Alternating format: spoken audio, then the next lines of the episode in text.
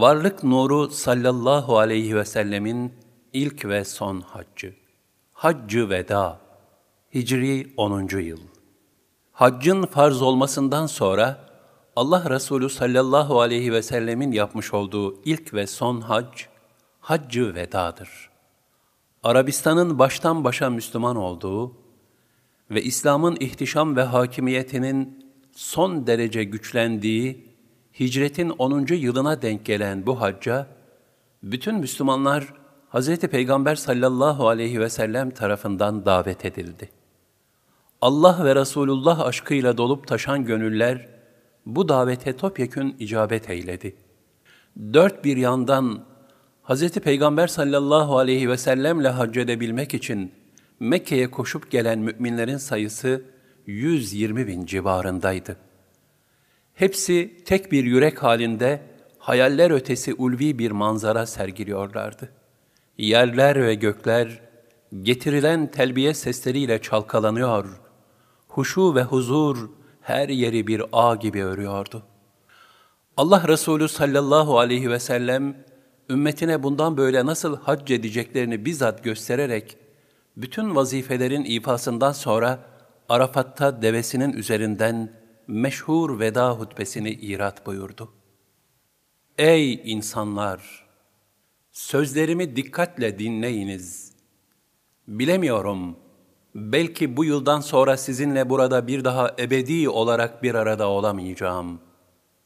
Ey insanlar! Bu günleriniz nasıl mukaddes bir günse, bu aylarınız nasıl mukaddes bir aysa, bu şehriniz Mekke nasıl mübarek bir şehirse, canlarınız, mallarınız, namuslarınız da öyle mukaddestir. Bunlara her türlü tecavüz haramdır. Ashabım, yarın Rabbinize kavuşacaksınız ve bugünkü her hal ve hareketinizden muhakkak hesaba çekileceksiniz. Sakın benden sonra eski dalaletlere, sapıklıklara dönüp de birbirinizin boynunu vurmayınız. Ashabım, kimin yanında bir emanet varsa onu sahibine versin. Faizin her çeşidi kaldırılmıştır, ayağımın altındadır. Lakin borcunuzun aslını vermek gerektir. Ne zulmediniz ne de zulme uğrayınız.'' Allah'ın emriyle faizcilik artık yasaktır. Cahiliyetten kalma bu çirkin adetin her türlüsü ayağımın altındadır. İlk kaldırdığım faiz de Abdülmuttalib'in oğlu amcam Abbas'ın faizidir. Ashabım, cahiliyet devrinde güdülen kan davaları da tamamen kaldırılmıştır. Kaldırdığım ilk kan davası, Ceddim Abdülmuttalib'in torunu amcazadem Rebia'nın kan davasıdır. Ey insanlar! Bugün şeytan sizin şu topraklarınızda yeniden tesir ve hakimiyetini kurmak gücünü ebedi surette kaybetmiştir. Fakat siz bu kaldırdığım şeyler dışında küçük gördüğünüz işlerde ona uyarsanız, bu da onu memnun eyleyecektir. Dininizi korumak için bunlardan da sakınınız. Ey insanlar! Kadınların haklarına riayet ediniz. Onlara şefkat ve sevgiyle muamele ediniz. Onlar hakkında Allah'tan korkmanızı tavsiye ederim. Siz kadınları Allah emaneti olarak aldınız. Onların namuslarını ve iffetlerini Allah adına söz vererek helal edindiniz.'' Sizin kadınlar üzerinde hakkınız, onların da sizin üzerinizde hakları vardır. Sizin kadınlar üzerindeki hakkınız, onların aile şerefini hiçbir kimseye çiğnetmemesidir.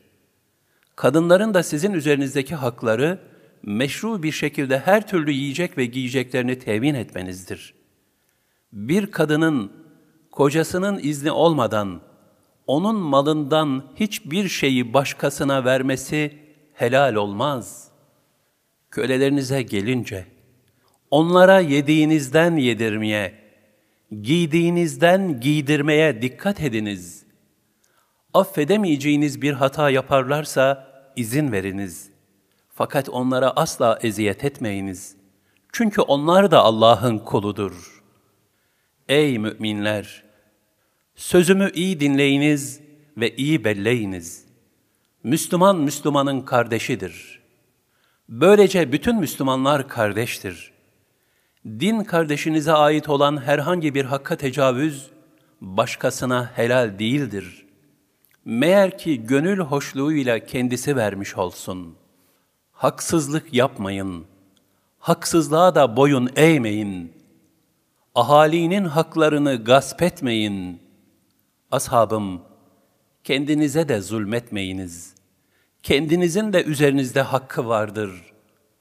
Ey insanlar! Her cani kendi suçundan bizzat mesuldür.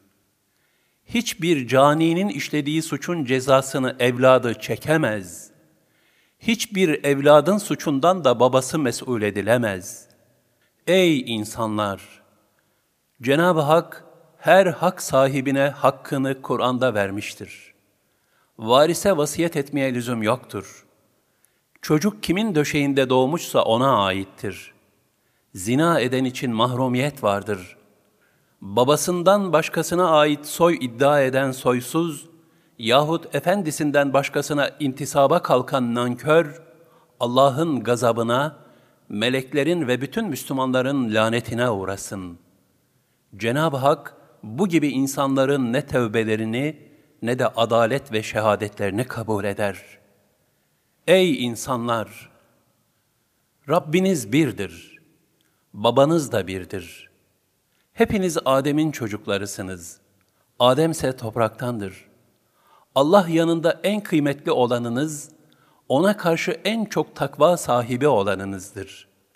Arap'ın Arap olmayana, takva ölçüsünden başka bir üstünlüğü yoktur. Ey insanlar! Devamlı olarak dönmekte olan zaman, Allah'ın gökleri ve yerleri yarattığı günkü durumuna dönmüştür. Bir yıl ay ölçüsüyle 12 aydır. Bunların dördü haram olan aylardır. Bunların üçü arka arkaya Zilkade, Zilhicce ve Muharrem, dördüncüsü de Cemaziyel Ahire ile Şaban arasında olan Recep'tir. Bu sene haram ayları eski yerine geldi. Hac mevsimi Zilhicce'nin 10. gününe rastladı. Ey müminler! Size bir emanet bırakıyorum ki, ona sıkı sarıldıkça yolunuzu hiç şaşırmazsınız. O emanet, Allah'ın kitabı Kur'an'dır. Ey insanlar! Allah'a ibadet edin. Beş vakit namazınızı kılın. Ramazan orucunu tutun ve emirlerime itaat edin. Ancak böyle yaptığınız takdirde Rabbinizin cennetine girersiniz. Ey insanlar! Aşırı gitmekten, ifrattan sakının. Evvelkilerin mahvolmalarının sebebi dindeki ifratlarıydı. Hac amellerini, usul ve adabını benden öğrenin. Bilmiyorum belki bu seneden sonra bir daha sizinle burada buluşamayacağım. Bu nasihatlerimi burada bulunanlar, bulunmayanlara bildirsin. Olabilir ki bildirilen kimse, sözlerimi burada bulunup da işitenden daha iyi anlayarak muhafaza etmiş olur. Sözlerinin burasında Allah Resulü sallallahu aleyhi ve sellem yüz binleri aşkın sahabesine sordular. Ey insanlar! Yarın beni sizden soracaklar. Ne diyeceksiniz? Bütün ashab-ı kiram, Allah'ın elçiliğini ifa ettin, vazifeni yerine getirdin, bize vasiyet ve nasihatte bulundun diye şehadet ederiz dediler. Bu şehadetin ardından varlık nuru, dini tebliğ ettiğine dair, ashabım, tebliğ ettim mi? Tebliğ ettim mi? Tebliğ ettim mi? diyerek üç defa tasdik aldı. Sonra ellerini semaya kaldırarak Cenab-ı Hakk'ın şehadetini diledi. Şahit ol ya Rab. Şahit ol ya Rab. Şahit ol ya Rab. Veda hutbesi, beşeri münasebetlerin tanzimi, dinin muhasebesi, hülasası, ve aynı zamanda da bir insan hakları beyannamesidir.